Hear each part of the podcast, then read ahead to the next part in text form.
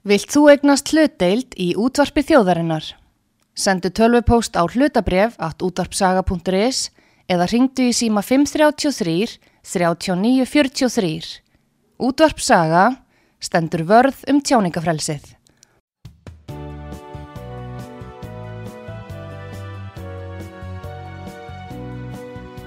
Sýteðis útvarpið á útvarpisögu í umsjón Arnþróðar Karlsdóttur.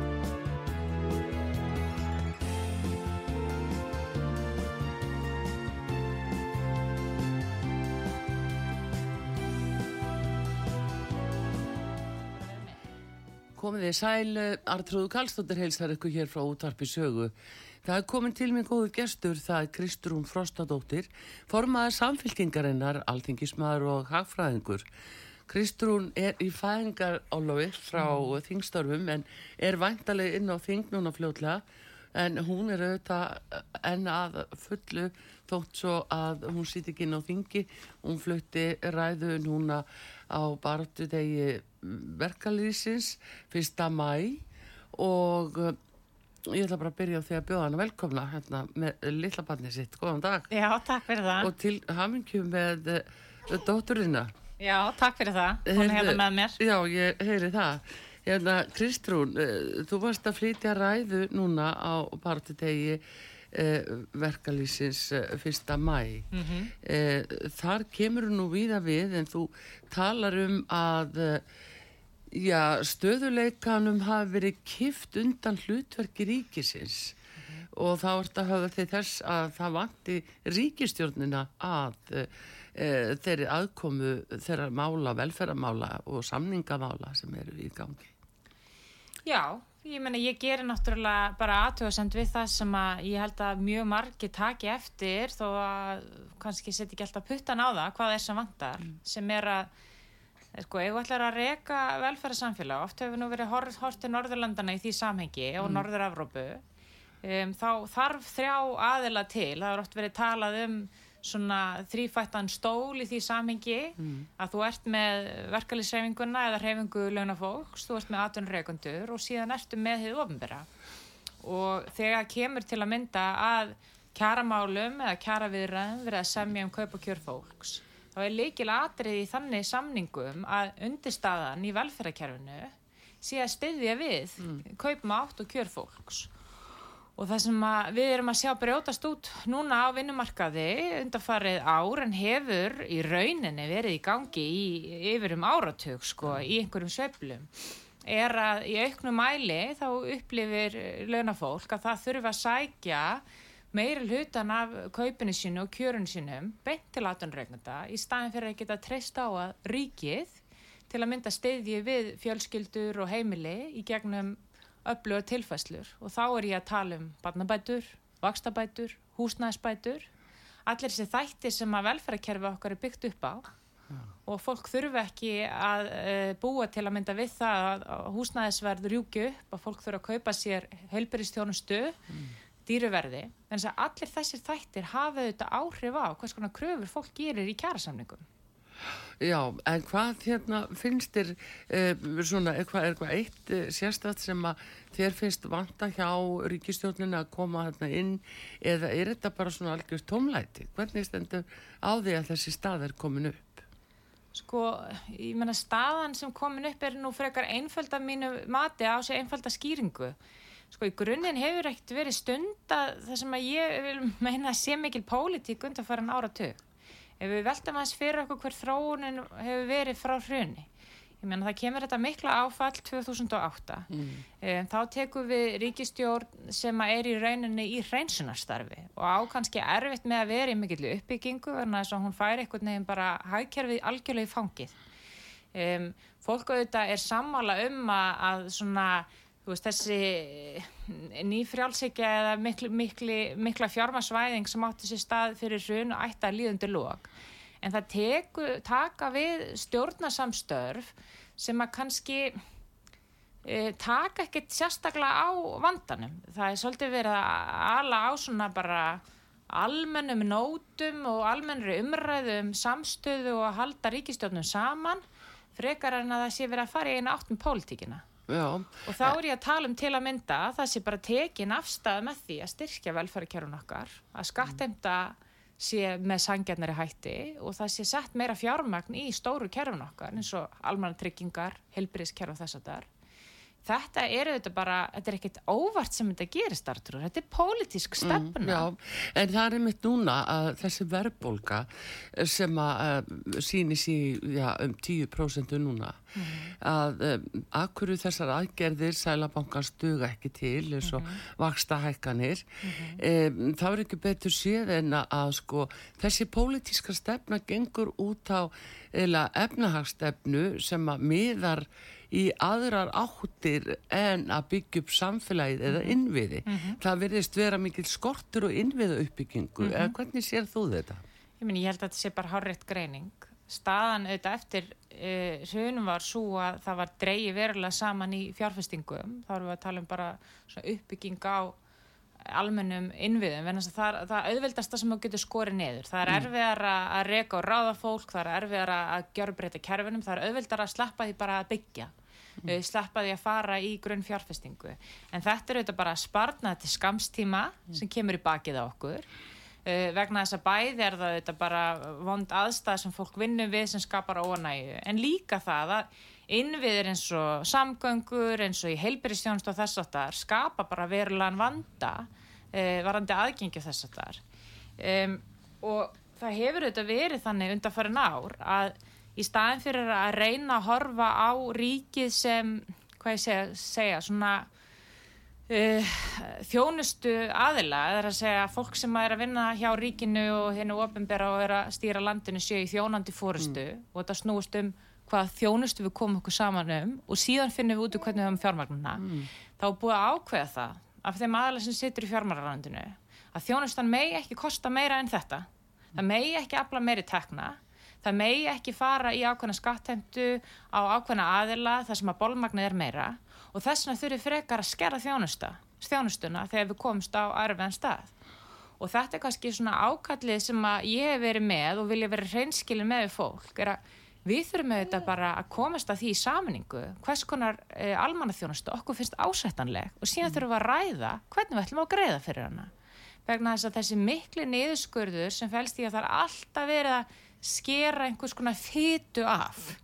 Ég ræði það eins í ræðinu minni. Já. hún gerir það auðvitað verkum að það, sko, þeir sem eftir sitja e, í þessum stopnunum eða á þessum stöðum þar sem mikil, mikil neðskur hefur átt sér stað þau auðvitað þurfa að hlaupa hraðar brenna frekar út og þjónustan vestnar það er bara eðli málsins samkvæmt. Já, en hérna uh, eins og þetta er í rauninni núna að þá veitum við það er ekki orðin eina stórfælda skattalækkanir mm -hmm. eh, bara skattekjur til ríkisins eru miklar og ég tala um gömu virðinsökkarskatturinn mm -hmm. þetta eru, þetta eru stórir, stóra fjárhæðir mm -hmm. og, mhm.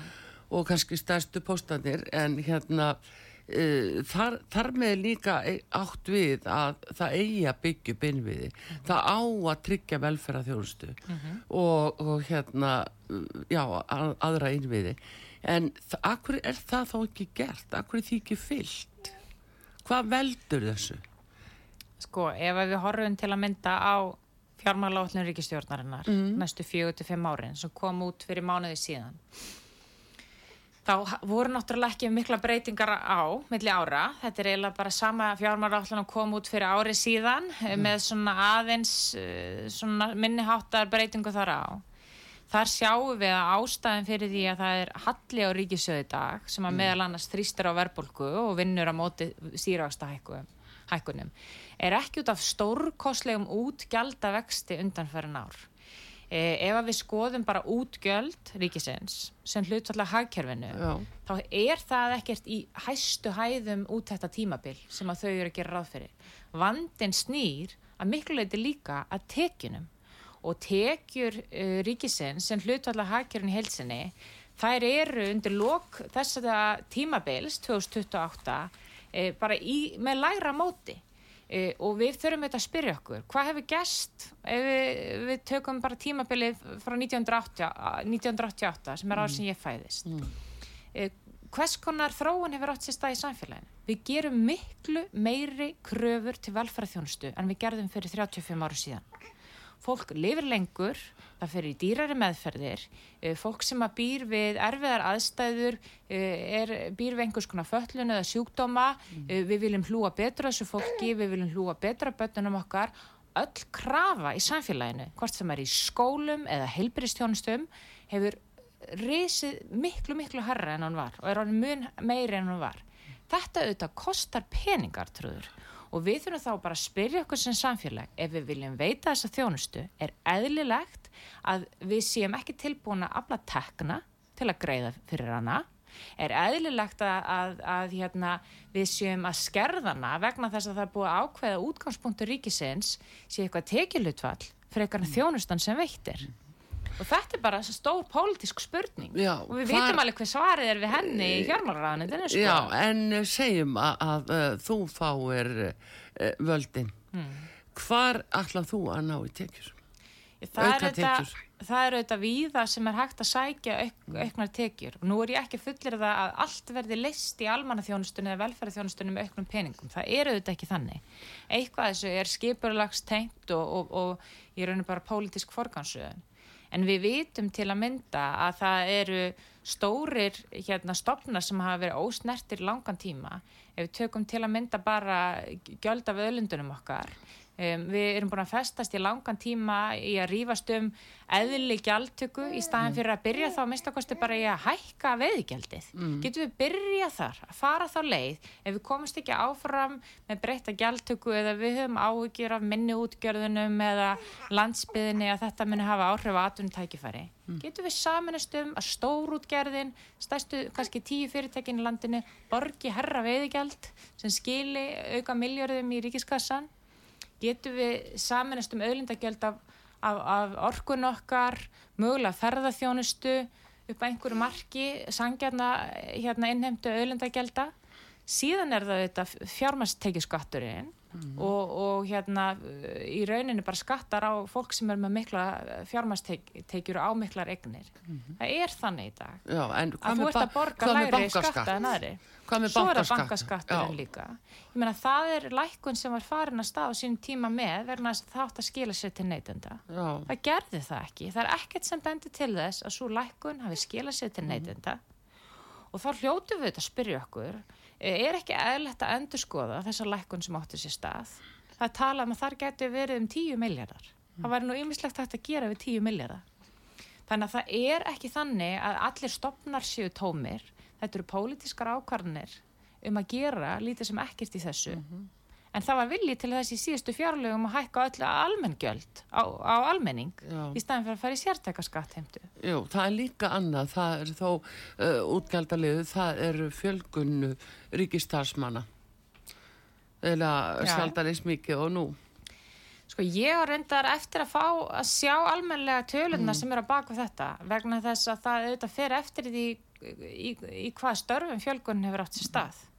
Við um, erum eh, öll meðvitum um að það er við að vera að tala um að í heilbreyðstjónustu og í skóla vanti starfsfólk. Já, Stór hluti af uh, ofnbæri störfum er bara í svona stóðþjónustu, í velferðarþjónustu. Um, til að mynda í, í þjónustu við, við fatlað fólk, í hérna, velferðarkerfinu og, og eins og ég sagði inn í skólum og þess að þar.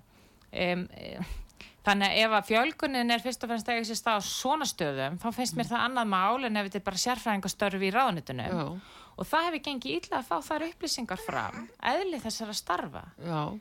En það er einmitt að kallað eftir því að, að það komi, það sé svo mikið skortur og sérfræðingur til landsins. Ég vil tala um að við þurfum að flytja um þúsundir sérfræðinga. Mm. En hvað er þeir að vinna? Í hvaða störfum?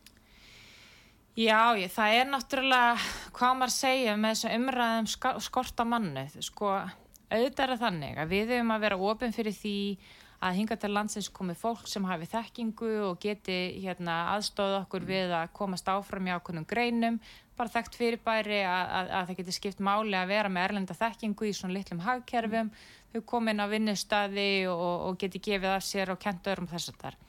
En við verðum auðvitað bara að horfa til framtíðar og velta fyrir okkur hvað er eðlilegt jafnvægi fyrir Íslands hagkerfi verna þess að sko, við getum ekki endalust uh, segja, reynda að koma á jafnvæginu með því að líta til útlanda. Við mm. hljótum að þurfa að horfa á hvernig eru grunnkerfin okkar að annarkvort að menta eða þjálfa fólk í rétt störf vegna þess að það er ekki endalist hægt að bara horfa um heiminn og láta þau rötta þessu vegna þess að í þessi störf ekki bara sérfrængastörf, þetta er líka til dæmis helbyrðistarfsfólk, mm. það er verið að tala um að flytja inn helbyrðistarfsfólk, menn það er bara skortur og helbyrðistarfsfólki er trúður um allan heim. Mm.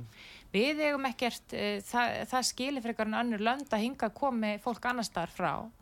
Þannig að við getum ekki leist á vandan með því að horfa alltaf bara út af við. Við þurfum þetta veltaði fyrir okkur, af hverju þetta ójabægi hérna innbyrðis hjá okkur? Það er spurningu um hvort að mentastefna og atvinnustefna haldist í hendur. Já, ég menna, það hefur nú mikið verið raugrætt um þetta, mm. en þetta er, þú veist, svo ég sé nú bara alveg hreinskilin, þetta er líka viðkvæmt og flókimál, verna þess að, um, sko, mentun getur haft gildi í sjálfu sér og það getur verið erfitt að sjá fyrir nákvæmlega alltaf hverju störf framtíðunar, eigum við að skipa fólki fyrir í nám, hvað það er að gera, skilur eigum við að beina fólki á ákvæmna brautir eða eigum við frekarlega fólk að finna bara sína einn línu í lífinu sko. Mm. mikið af framtíðastörfunum sem hefur verið talað um snúast kannski fyrst og fannst um bara að vera með raukhugsun og gaggrina hugsun. Mm. geta unnið í hóp mm. geta unnið úr upplýsingum við, frekar en að vera með mikla þjálfun í einum hlut. Þannig að það, það getur verið mentun á mjög breyðum sviðum skilur, alveg eins hugvísindi eins og raunvísindi sem geta hjálpaði, þú veist, við framtíðastörfin sko. Já, já, en hérna Uh, núna uh, þessar vakstahækkanir sem að uh, já, fólk hefur nú verið að vonast til að, að síndu árangur og myndur mm. náttúrulega lekka verðbólgu. Það er útlitt fyrir að, að það verði gefið í og það komi enn til viðbótar hækkun núna í mæ Kristrún hvað hérna, af hverju ber þetta ekki meiri árangur? Hvað segir hagfræðingur um Kristrún Fórstadóttir Ég held að sko hreinskila svar er að ég veit það ekki akkurat núna. Ég held að þetta sé eitthvað sem að verði auðveldar að greina eftir á eins og svo margt sko. Það er auðvitað hægt að fara í alls konar hagfræðilega skýringar á leðinni, vaksta og allt sko. Já. Ég meina hugmyndin á bakvið það að reyna að færa fólk í auknum mælinn í óvertrið lán mm. á breytilegum vöxtum. Bara vaksta stíi það ætti að hafa meiri áhrif. Mm. Það var oft verið talað um að verðtíkingin sé slæm vegna þess að hún kallar á meiri vakstahekkanir en ella mm. vegna þess að af því að ránin er svo ónæm fyrir vöxtum og greiðslu byrðið fólks mánalega mm. þá þarf að hækka vexti svo miklu miklu meira mm. til þess að býta á og nú erum við komin á þann skrítna stað að, að Sælabankastjóri er farin að ráleggja fólki að færa sig yfir í verðri lán til að komast undan vakstahekkunum sem þau sjálf er að standa fyrir sko en það eru þetta bara þensla víða í samfélaginu þar sem að er fjárhagslegt sveigurum líka, skilju og það hefur auðvitað líka áhrif ef þú ert að nota svona almennt tól sem vext, vextir eru. Mm -hmm. þeir býta alla, saman hvort átt mikið eða lítinn pening. Mm. um, og það eru auðvitað hópar í samfélaginu sem að vissulega fá hækkanir á sig en hafa það bara mjög gott mm. og geta haldið áfram sinni þenslu Já, þólaði þetta Já. og þess vegna hef, hef ég verið uh, á þeirri skoðun og það er frekar að beita sértækum aðgerðum á þensluna mm. og, og ríkið hefur miklu sértækari tól en Sælabankin Sælabankin getur fyrst og fremst átt við vakstatólið mm. getur alveg vissulega átt við svona einhver tól sem snúað húsnæðismarkaði varandi lántökuskiljur og þess að þar mm -hmm en, en ríkið getur farið í sértæka skattheimtu. Mm. svo getur það tekið þann pening og fært hann á þá staði sem eru viðkomastir á tímum mm. sem þessum. Um, en málið er þetta trúður að það krefst þess að þú stundir einhverja pólitík og sérst tilbúin að taka ákvarðanir. Já, og það er það sem maður bara vantar svo tilfinnanlega mm -hmm. í ríkistjónan í dag. Að það eru auðveldar að láta ennbættismenn sem eru ókjörnir sjá um erfiðar ákvarðanatökur þessi dagana. Já Þér finnst það vera þannig? Mér finnst það absolutt vera þannig og hérna þú veist að hluta til skilja Sælabankan þó að, mm. þó að hérna, ég hefði á sínum tíma verið ósátt við að þau var að ringla svona mikið með vextina mm. um, ég, það liggja nú eftir mig mörg viðtöl frá þessum tíma áður en ég fór í pólitík þar sem að um, ég spáði því að þessara vakstarleikani myndi bara leka út alla eignamarkaði, húsnæðismarkaði, mm. hlutabræðmarkaði, skuldabræðmarkaði vegna þess að það er ekki bara íslenskur almenningur sem fær vextalækkanir. Það eru allir, líka fólk sem á mjög mikla peninga getur skuldsett sig til að kaupa fastegnir til að setja útlegu og, og skuldsett sig fyrir stöðtök og hlutabriðmarkaði allt þetta allir gífurlegri þenslu En það er hins vegar sko skrýta að uh, verðbólgan æði hér áfram af því sem að við erum með, á marganátt með betri stöðu heldur en Evrópa uh, sérstaklega út af raforkuverði Já. og orkukostnaði Já. en þá samt sem að fyrir verðbólgan víða niður Já. og talsitt mikið niður en þá æður hún upp hér þrátt fyrir vakstahækkalinnar þannig að þetta er svona einhvern veginn þegar upp í staði lítur þetta þannig út fyrir að vera algjörlega mislökað Ég held að rótin á þessu sé í rauninni ef við förum bara aftur í upp á okkar samtals hérna. Um, það er aðgerðir í velferðarkerfinu og sko ástæði fyrir ég segi það er að nú er mikið talað um að verðbólgan sé á breyðum grunni, almennum grunni. Þetta sé ekki bara húsnæðismarkaðurinn sem sé að valda verðbólgunni. En þetta eru þetta svolítið hænan og ekki þar að segja sko á sínum tíma var þetta rosalega húsnæðisdrifið. Hvað gerist þá? Jú, fólk lendir í vandræðum með greiðslutnar sínar vegna þess að það þarf að taka svo hálán þetta gerist áður en að vextinni voru hækkaði það þarf bara að taka svo hálán til að komast inn á markaðin yfir höfuð Eh, eða til að eiga fyrir leigunni sinni þarf það að eiga eh, vera með tiltölulega hálaun eða herri laun.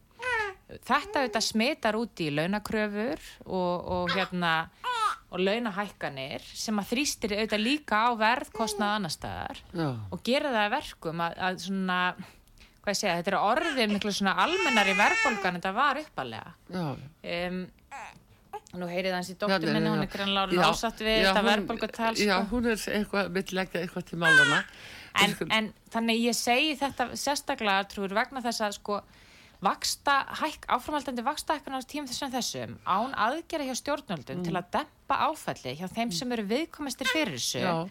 Eh, þeir, me, þeir munum bara íta undir frekari ólgu vegna þess að, að þessir einstaklingar munum þetta ekkert sætta sig við að launin þeirra mun ekki duga fyrir þessum hækkunum sem er eiga sér stað. Og þessin er rakið mál fyrir velferðarkerfið og, og ríkið er að koma inn í og fara í sértækar aðgerð eins og vakstabætur, húsnæðisbætur, barnabætur um, að reyna að steyðja meira við uppbyggingu og frambóð og húsnæði, leigubremsu, skilur fyrir fólk sem býr í leiguhúsnæði, til að koma í veg fyrir að þessar vakstækkanir þær þróist bara í þá átt að öllu verður þrýst yfir í laun og launakröfur sem er mjög eðlileg viðbröð Já. hjá hópum fólk sem finnst eins og hefur opinbera sig að bregðast þeim þegar kemur að velferðarkerfinu. fólki eh, talar þannig Auðvitað. að sé verið að bregðast í Það er þannig. En það er hins vegar líka að það er verið að skapa mjög erfiða stöðu eins og fyrir já, unga fólkið Eh, tökum þau sem dæmi að það búið að herða reglunar þannig að þau er erfiðara með að fá uh, lánshæfismat og og fá lán, Já. það er búið að hækka alla þröskulda Já. og bankadir í raun og veru eru bara lokaðir í dag Já. nema þú eigi bara fulla reikninga peningum. Eh, þeir geta lappað inn og út en aðrir ekki og þannig erum við til dæs með eh, landsbankan sem er þá 100% í eigu ríkisins mm Mhm. Akkur er því þá ekki breytt þannig að, landsbankin bara gengur fram fyrir sköldu og lækkar sín viðmið verður meira sem samfélagsbanki svona áður en að verður alveg seldur Hvað með. Já, það? Akkur ekki ekki koma til seldur. mósi fólki sem eru eigendur Sko, auðvitað er það þannig að, sko, að þessi úrræði sem er verið að beita núna, sem Sælabankin er að beita, þau bytna á, á viðkomasta fólkinu. Það er bara þannig. Algjörlega. Þessi úrræði til að mynda mig til að herða hérna, hlutfallið í greiðslubyrðinni, fólk má ekki skulda meira en hverja 35% eitthvað svo leiðis að ráðstöðuna tekjum, en samt máttu vera að greiða 20% í leigu og það verðist engum máli skipta.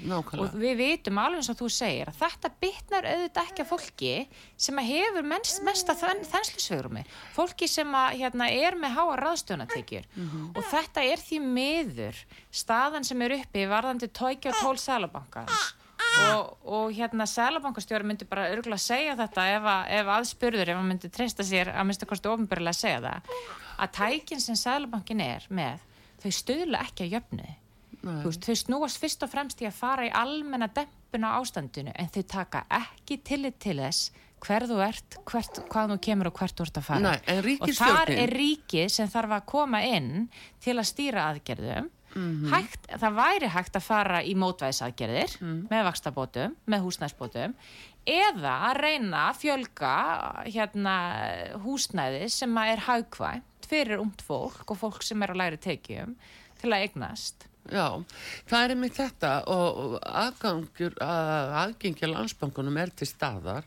að það eru þetta bara ríki sem getur og ríkisvaldi sem getur ákveðið það Já, hvernig, ef að- hvernig kjör þeir setja og, og til dæmis fyrir já, unga fólki svo það komist að heima þó þessi ekki meira sagt. En sko ef að það á að fara þá leiðartrúur með landsbankanum að beita hann með öðrum hætti en nú, Mhm.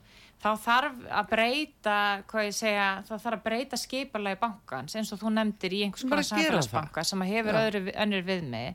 En þess í dag, þó hann sé í eigu ríkisins, þá er hérna, þá, ég meina, ríkistjórnin setur ekki ná stjórnafundurinn þarna, skilur, þú, það, er, það er ákveðin armslengd eins og við herðum nú oft í, í tengslu við Jú, jú. Íslandsbanka Jú, til staðar Já. Eh, Þannig að eins og landsbankin er skipulaður í dag, þá geta þau ekki farið í, um, hvað ég segja, eh, svona það sem einhver myndi kalla jákvæða mismunun mögulega. En það sem væri hægt að gera er, já, það væri hægt að breyta bankanum mögulega í samfélagsbanka. Eða það er líka hægt að gera ýmislegt bara strax í dag sem snýr að húsnæðisstuðningi beint upp fólk Já, já. og uppbyggingu á húsnæði sem Akkúrat. er hagkvæmt, sem stendur algjörlega kjört akkurat núna. Ég er að meina að ríkisvaldi hefur tækjotól sem að til dæmis er í gegnum landsbankan það er þannig Já, en, en, en punkturinn minn er kannski þessi, bara ef ég er alveg hreinskilin, Mm. er að það er, væri miklu auðveldara núna fyrir, bankan, fyrir ríkistjóðan í dag að beita sér með beinum hætti en að reyna að beita sér í gegnum landsbankan af því að það þarf að eiga sér stað það ákveðnar breytingar á bankanum Mm. Já, já. sem er það miklu meira mál. Er það ekki lagbreyting fyrst og síðast? Jú, en það þarf auðvitað líka bara að fara í heilmikla skipulagsvinnu um hvernig það er gert og Mm. Já. það væri bara óheðilegt af mér að halda því fram að það sé eitthvað sem væri hægt að gera þú veist, einu ári en það sem er hægt að gera Mm. mm. og hefur verið sínt fram að ítrykkað í löndunum í kringum okkur Mm. er að það er að styrkja félagslega grunninn fyrir húsnæðismarkaðin Mm. á Íslandi er um 5% af markanum uh, svona í félagslegu formi það er að segja óhagnaði drifi húsnæði eða félagslegar íbúðir. Í löndunum í kringum okkur Norrlandunum er þetta nærði að vera 20 eða 25% og þetta þýðir að allar aðgerðir sem að ríki beitir í gegnum uh, íbúðamarkaðin í þessum löndum til að mynda með því að hæja á leiguvershækkunum, setja á leigubremsur og eigið húsnæði, hefur svo miklu meiri áhrif en nokkuð tíman hér, vegna að setja svo lítill partur af markanum sem ríki stjórnar. Þannig að það er hægt að fara í aðgerðir, það vantar bara pólitískan vilja til þess, af því að þetta er þetta pólitíska ákverðun að fara inn á húsnæðismarkaðin, það er það. Já, þetta segir góði gestu hér á útvarpi sögu Kristrún Frostadóttir formaða samféltingarinnar og alþingismadur og hagfræðingur mætt hér með litla dóttur sína og við ætlum að fá auðlýsingar og höldum áfram, ég ætla að ræða einmitt um húsnæðismálin við hana og stöðuna á markaðunum. Þeir að hlusta á út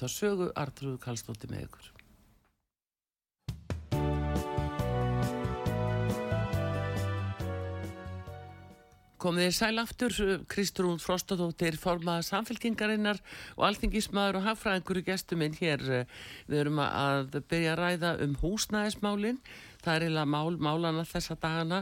Eh, Kristrún, við vorum nú líka aðeins þarna inn í böngunum áðan, en eh, eitt er eh, varðandi já, verðtryggingu og vísitöluna, húsnæðisliðurinn sem að er inni í uh, vísitölunni um, er það ekki eitthvað sem að bara má afnema til þess að lækka verðbólgu, ég meina, af hverju þarf þetta virkilega að vera svona er þetta pólitískur pólitísk stefna líka?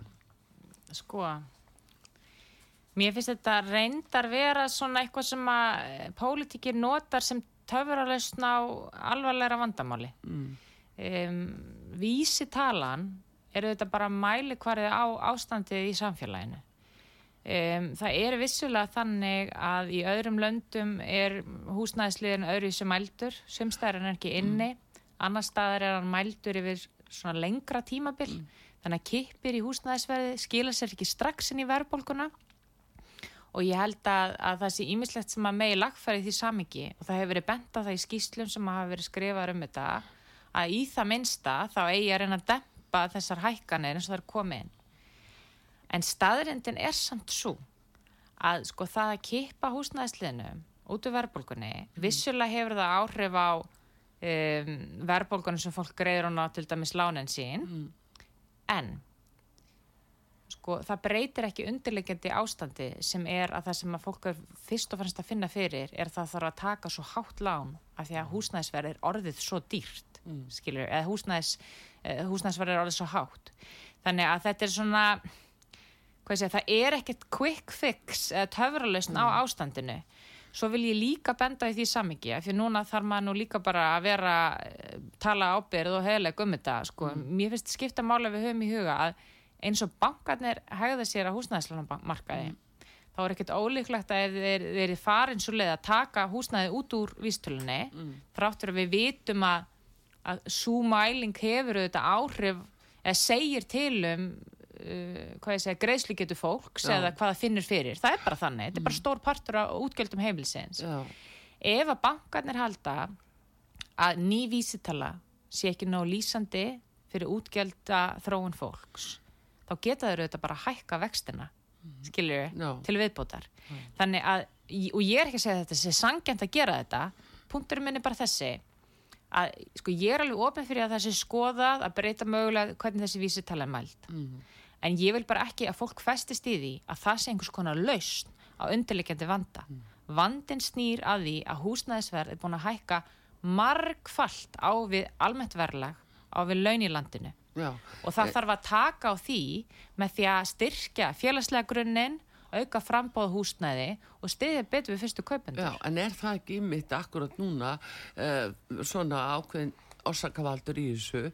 Það er þessi gríðarlegi húsnæðisvandi sem kemur til af ímsu, það verið allt og lítið byggt, það gefur auga leið og ekki kannski verið staðið við áallanir uh, þrátt fyrir yfirlýsingar En, en síðan er það líka, það er þessi fjöldi sem er að koma til landsins af nýjum Íslendingum og nýju fólki og, og fólk kemur hér og kemur og svo bara engin stað til að búa á Já. og með þess að ríkisvaldi er að taka núna skrifstofubyggingar og annað, Já. húsnæði ríkiseg og breyta því yfir í íbúðarhúsnæði. Já. Ég meina, og hótelin eru jafnvel tekin á leik og hér bara fyrir útlendinga. Já. Sko þetta er, auðvitað, þetta er einhver stefna sem að, já, he, bara enginn hefur yfir sín yfir, eða hvað? Ég meina, auðvitað hefur þetta áhrif á húsnæðismarkaði mm. það sjá það allir ef að það koma 4000 auka manns til landsins sem þurfa húsnæði þá þarf auka húsnæði fyrir þessa einstaklinga um, og vandin eru þetta bæði sögulegur hérna en síðan við erum ekki náða að byggja á árunum eftir hrun. En líka að það hefur bara einhvern veginn verið kift sko fótunum undan byggingariðnanum yfir vilja og getu þess að standa undir svona stöður fjármögnun á húsnæði og síðan bætist ofan á við þessi þrýstingur út af stríðunum til að mynda í Ukrænu og það var ég bara ósætt að halda því fram að þetta hafi ekki áhrif, þetta hefur þetta vissulega áhrif. Spurningin er bara hvað við gerum í því. Og það sem hefur þetta haft mest áhrif á uh, uppbyggingu húsnæðis eða allavega að langt mestu leiti er til að mynda fjármögnun á húsnæði. Þetta er þetta að, að, að, lenda, uh, við erum að þetta svolítið í andleti núna út á vakstahækkunu, á sama tíma og vextir hækka þá þýðir það að þeir sem að standa í uppbygging og húsnæði standa frammi fyrir herri kostnaði og þá þarf maður að velta fyrir sér. Við erum með ótrúlegt magnar trúður af fjármagni sem situr í sparnaði þjóðurinnar lífeyrissjóðunum Þetta er sparnaður sem á að vera notaði til langtíma fjárfestingar. Þetta er ekki spáköpmennsku fjárfestingar, mm. heldur snýst þetta um, að, um langtíma fjármögnun mm. uh, á að halda í við hagvöxt og þróun landsins mm. og fastegnaverð hefur nú oft verið svona indikatíft eða frekar stöðugt í því samingi, oft náttúrulega hækka markvallt á við hagkerfið en að mista kosti haldið í við það og það er eitthvað öfugsnúið í okkar samfélagi ef við erum að, að, að sko, stilla kerfinu þannig upp að við erum með auka skattheimtu sem að lífyrirsjóðsgreislur eru. Það er ekkit annað en auka skattheimta þannig að það er skilda að greiði Já, lífyrirsjóð og við erum að sapna gí- gríf, gífurlegum fjárhæðum þar markvælt af íslenska hagkerfið. Mm. eh, en á sama tíma segir ríkisjóður að það sé ekki til peningar til þess að byggja til að sinna innviðum landsins og lífriðsjóður kvarta yfir fjárfestingakostum Já, og þeir veit ekki hvað þeir eru að gera við peningin og nú spyr ég bara þetta, ég meina, við, við, við lifum allir í sama samfélagina minn sparnar eru þín sjóðana fyrir þjóðana hérna Myndu beita þér fyrir þessu, Kristrún? Ég vil að minnstakost að þetta sé skoðað alvarlega aðkoma lífyrsjóna að uppbyggingu húsnæðismarkaði. Þetta er gert í öðrum löndum til að mynda í Sviss. Þar koma þeir að uppbyggingu leiguhúsnæðis mjög víða að þetta er bara álitið sem til til að stöðu tekjulind Já, skiljið fyrir já. lífyrsjóðana á sangjötnu verði en þetta eru fjárfestar og fjármögnuræðilar sem að fylgja ekki hagsveiflunni, skilju, þeir fá bara stöðugt innflæði já. og það er það sem við þurfum á uppbyggingarliðinni fólki fjölgar árlega. Algjörlega óháð því sögulega hvort að það sé búið að vera hagvöxtur mikill eða ekki. Við getum ekki bara byggt eftir því hvað bankunum, bankunum finnst hverju sinn það er mitt það sem er, Kristrún, og að þetta er svona nýr tónn í íslenskri pólitík í raun og veru sem þú ert að bóða og það er náttúrulega spennandi að fylgjast með því og hvernig þú hegst svona koma þessu máli í farveg því að það er náttúrulega hlýtur að vera að krafa fólksins að í svona í litlu hagkerfi litlu og fámennu landi í rauninni að við getum ekki hort endalust á eða þessa alltaf þrjá posta þrjú tryggingafélög, þrjú oljufélög þrýr bankar skilur ráða öllu og hinn er verða alltaf að lúta þeirra einhliða reglum. Að það er komið meira samspili og tvíhliða samningum á milli að menn hafi valkosti meira. Lífeyrissjóðni til dæmis núna er að fjárfesta talsett ellendis en jafnvel í dollurum og það veit enginn kannski hversu staða er hversu tryggt það er út af falli og runni dollarans. Já, það er bara svo- eitt. sko skiluru Já, já. þannig að af hverju er þetta ekki innanlands láta, peningandi látni vinna hér Veistu, þetta er bara mjög góða punktur að trúður, en þess að sko, ef við veltum okkur bara aðeins fyrir eh, veltum við aðeins fyrir okkur hvað við erum að reyna að gera hérna. við erum ekki að reyka fyrirtæki við erum að reyna að reyka samfélag. Og partur af því að leggja fyrir í lífyrsjóð er að tryggja að vergildi peningana lifi.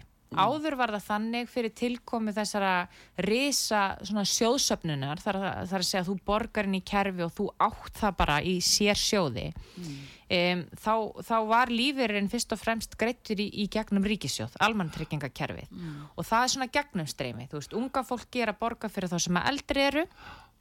Síðan er ákveðið að fara þá leið að, að reyna að auka þetta, þetta sjóðsöfnakerfi þar sem að fólk spara sérstaklega fyrir hérna efri árunum. Og það sem í rauninni gerist er að valdið eða ákvarnatakan á, á að fjárfesta peningnum er fært frá ríkinu yfir til lífyrsjóðana að í staðin fyrir að ríkið innheimti bara skattfé og þessi þú veist 12-14% sem fólk er að borga í lífyrsjóð færi bara í skattegjur til ríkisins og ríki myndi horfa á heildamyndina samfélagið hugsa hvar þarf að byggja eða þú veist hver er á örorku eða hver þarf að fá ívilnin út af þessum rekstur eða hvað svo sem er þá var ákveð að taka sér 12-14% setja í sjóð og eignastýringar aðili sér um að fjárfesta. Þessi eignastýringar aðili er í samskiptum við bankana, fullt af milliliðum, við erum komið feitt millilag í fjármálakerfinu sem er að, hjálpa til Já. við að fjárfesta sparnaði af því að fólk treystir ekki ríkinu til þess að taka sér 12-14% og fjárfesta þeim. Og hvað gerist svo? Við horfum upp á það að við erum með ríkistöð sem segir ekki til peningar fyrir samfélagslega innviði. Mm. Lífyrsjóðin segir við erum að springa fjármagni. Ef að lífyrsjóðinir e, sjá ekki haksin í og það ekki, er ekki búin til kvatar fyrir þá til þess að fjárfesta í samfélagslega uppbyggingu. Og tökum bara ekstrem dæmi að þeir myndu ákveð af því að ávöxturinn væri svo góð í e, Apple í bandaríkinum að þeir ætli bara að setja allan peningin í Apple. Þú ert þú sem, að, sem hérna, lífeyrisgreðandi sérð hérna Apple rjúku upp á þenn sparnað en þú sér samfélagi hérna lippast niður. Það hægist á fólksfjölgun, það hægist á barnegnum, uh, hagkerfi vex ekki, störfum fjölgar ekki, verðan það er ekki búið að fjárfest í innviðin minni samfélagsins. eignamyndin myndi, eh, myndun hjá Algjörlega. einstaklingum já, Þú fær þennan pening síðan út greittan og ætlar að nota hann á Íslandi en það eru bara einfallega ekki vörur og þjónustur til þess að kaupa fyrir hennan pening. Þannig að peningurinn föðrar upp í verðbólgu. já, já. Punkturum minn er þessi, ég veit þetta hljómar abstrakt og svona mjög stórar hugmyndir en peningar er ekkit annað en ávísun á raun hluti eins og vörur, þjónustu, allt sem við notum í samfélagin okkar.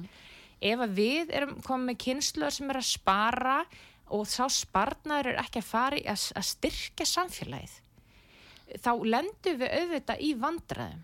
Þannig að það þarf að fara að endurskoða hvernig flæða fjármagnið á sér hérna stað og þá er ég ekki að tala um að setja bara peningi hvað sem er og það er ekki að passa upp á lífið landsmanna. Nei, nei, þetta ákvæmst ekki skiltið það sem þú varst að segja, sko, heldur að uh, það er náttúrulega, eh, við getum eiginlega ekki hort upp og koma til kynnslóður eins og staðin er núna. Það er bara fólk í gríðarlega þungu, þungri stöðu. Já. Það er í baráttu við að halda leiguhúsnaði, það jafnvel missi leiguhúsnaði af því að leigu salin ákvað að segja öllum upp og, og selja og leia ríkinu því þá fara meira fyrir, fólk er út á götu. Það eru bara svona staðreindi sem við erum að horfa á og það er ekki hægt að sitja þegjandi og horfa á. Hvað á að, hvernig á að gagvart Nei, leigumarkaðinu menn nú? þetta eru allt mannana verk. Já. Þetta er allt mannana verk. Við sem samfélag tökum ákvörunum að leifa þess að vera eins og þetta er. Veist, það þarf að auðvitað ráðast bara í stórkostlega uppbyggingu á húsnæði og stór partur af því, eins og við vorum að tala um þetta áðan, er mm. fjármagnunar aðilinn og þá er Já. ég ekki bara að tala um lífriðsjóni, ég er líka að tala um að, að ríki getur komið þar inn og veitt hérna, fjármagnun og þetta er það sem við höfum verið ít eftir. Síðan á meðan að vera að býða eftir þessi uppbygging á sér stað, en þess að þetta mun taka tíma, þá þarf auðvitað að bjarga fólki sem er að lenda í akút vanda. Það þarf að skoða þegar svona miklar hækkanir eru að eiga sér stað að setja leigubremsu til að koma í veg fyrir að fólk sé að brenna inni. Hvernig leigubremsu sérðu? Uh, Við höfum til að mynda í samfélkingunni hort til Danmörkur í því samengi sem að þrátt fyrir, eins og ég nefndi hérna í fyrri viðtalinu, er með uh, 15. fjórðung af markanum í, í félagsleiri eigu eða stýringu og getur Já. þar með í rauninni bara stýrt ve- verðhækkunum ákvað í árin eftir COVID eða misturinn eftir COVID að setja leigubremsu á almennamarkaðin um, sem að kom bara í veg fyrir að það væri óeðlilegar hækkanir. Þá var kannski sett, ég minnir að þar hafi það verið í kringu 4% já, og sagt að það þurfa að raukstiða það sérstaklega ef að leigan fyrir umfram það. Um, þetta þarf við þetta bara að skoða hvers konar fyrirkomulag við, við stillum þannig upp. En þetta gæti venda fólk til skamstíma. Eins er það með húsalegu bætur. Í ríkistjórnin talar um að þær hafi verið hækka núna fyrir jól og sko það eru þetta mjög erfitt við að eiga þegar að þessi, þessi hérna PR, þessar PR-deildir ríkistjórnarinn að fara fram og benda á svona prósentuhækkanir. Um, ég meina hækkanir á húsaflegum hefði ekki, ekki sést í að verða fimm ár þrátt fyrir verulega aukning á leigu og þessi litla aukning sem átti sér stað fyrir jól hún nær ekki einu sinni upp í þær miklu hækkanir sem hafa átt sér stað undanförnum árum. Þannig að það þarf bara miklu meiri stuðning að koma já, það er nú það sem er sko, þetta er eitthvað sem er uh, óásættalegt svona í hugum fólks núna. En uh, Kristrún, uh, þetta er spurningin. Þessi ríkistjórn hefur í rauninni talað. Þeir hafa lofað og lofað allt í 35.000 íbúðum og uh, byggingariðinaður segir nei, þetta stendst ekki. Það er samdráttur, það er 65% samdráttur sínilegur á árinu. Já. þannig að hvað er til ráða rauðulega núna? Uh, nú ert þú í stjórnaranstöð og þinn flokkur. Uh, hvað geti þið gert til að greipa inn í Sko, það er því meður þannig að það er mjög lítið hlusta á stjórnarlandstöðin í þinginu. Nú er ég kannski að algjörlega gefa, gefa, gefa, gefa upp um mig, sko, um varandi mann segin völd. Men þetta er ástæðin fyrir að samfélkingin hefur bara ákveðið að taka málinn í einn hendur og við erum bara fullu í hérna, verkefninu að móta okkar eigin stefnu fyrir næstu ríkistjórn með því að halda opna fundi um heilbriðismál og svo ætlum við að taka atjóna samgöngu fyrir og, og vera bara tilbúin fyrir næstu ríkistjórn mm. vegna þess að þinginu stjórnum við þeim hætti að engar tillegur þó þessi góður frá stjórn, stjórnarnanstöðinu er mm. samþyktar en það sem við getum þetta fyrst og fremst gert er að veita aðhald og benda á hver staðan er mm.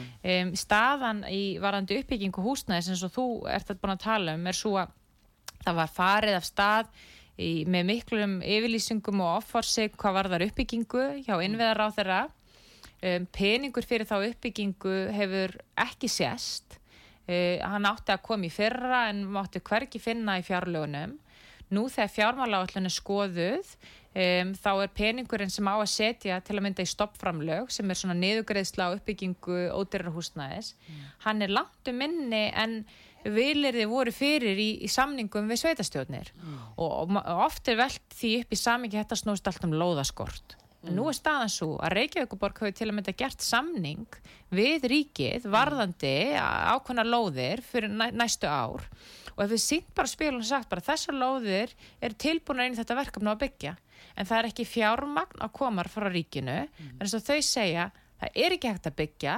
byggingagerinn treystir sér ekki til þess og í staðin fyrir að endur skoða þá mögulega kvata uh, uh, fjármagnar aðala sem koma þessu og kerfi heilsinni þá eru þau bara eins og utan að koma til álætskefur og segja, já, við löpum hér bara inn í eitthvað kerfi sem er stýrtað utan. Mm. það vill enginn byggja og við getum bara ekkert í því gert. En þetta að segja að það sé verið raun að veru að hlúa bara fákjafni þetta er núna uh, fastegna félögin sem að eru með íbúðir uh, míseflega velfengnar en allavegna með íbúðir og fastegna félögin er að stakka og verða meiri og fleiri sem að gera út á uh, hérna íbúðamarkaðin Eh, eh, er þetta þá stefna raunverulega ríkistjórnarinnar að, eh, að gera út á það að, að þetta séu bara fáir aðilar það séu fákjafni sem að séu Það liggur að minnstakosti fyrir að það er ekkert að frétta af frumvörpum sem hefur verið kallað eftir bæðstjórnalandstöðinni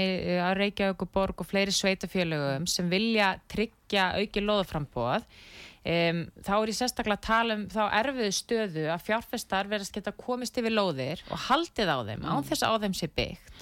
Það þarf að koma til breyting á reglum frá ríkinu til þess að að tímabinda hversu lengi þú getur átt lóðans að byggja á henni mm. það verður ekkert bólað á því máli mm. það er eins svo kallar Karlsberg ákvæði e, þar sem er hægt að skilda uppbyggingaraðila til að setja kannski átt, átt í fjórðunga íbúðum sem þeir byggja í hverju byggingu mm. í einhvers konar félagslegar umbúðir hvort sem að sé í byggni félagslega eigu hjá sveitafélagi mm.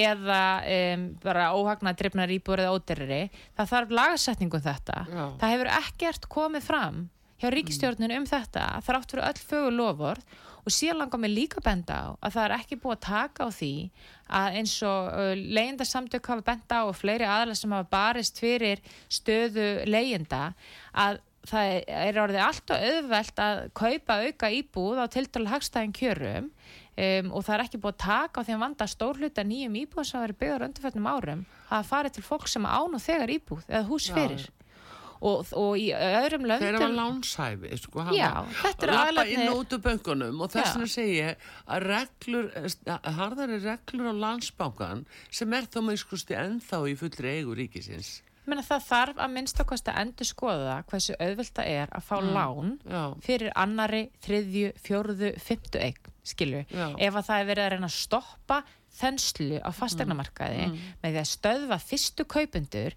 ég kaupa sér, þú veist, 50 fermetra íbúð Já. en það er ekki verið að gera neitt til að stöðva einstaklinga sem eru fjársterkir til að kaupa íbúð 2, 3 og 4 mm. þá sjáum alveg hvar aðhaldið á þenslunni er það er mm. bara verið að setja það á viðkomari hópa á yngri kynnslóðir í staðin fyrir að breyta reglum sem snúa að fjárvitingu til mm. fólks mm. sem þarf ekki á þessu húsnaði að halda Nei, nema bara sem fjárfestingu og leiða það. Og það, það er bara, mm. að mínum að þetta er algjörlega ólíðandi að húsnæðismarkaðin sé orðin í svona miklu mæli að fjárfestingamarkaði. Mm. Þetta er markaður sem á ekki að gilda eða, eða sömu lögum á ekki að gilda um og einhvers konar spáköp með sko markaður eða hlutabröð og skuldabröðmarkaður. Þetta eru heimili fólks mm og ríki og hefur ofinbæra ber bara einfallega skilda á að breyta þá kvötunum og, og möguleikum fólks í að, að höndla með hérna eignir sem, sem einhvers konar fjárfestingaregnir. Það er bara þannig.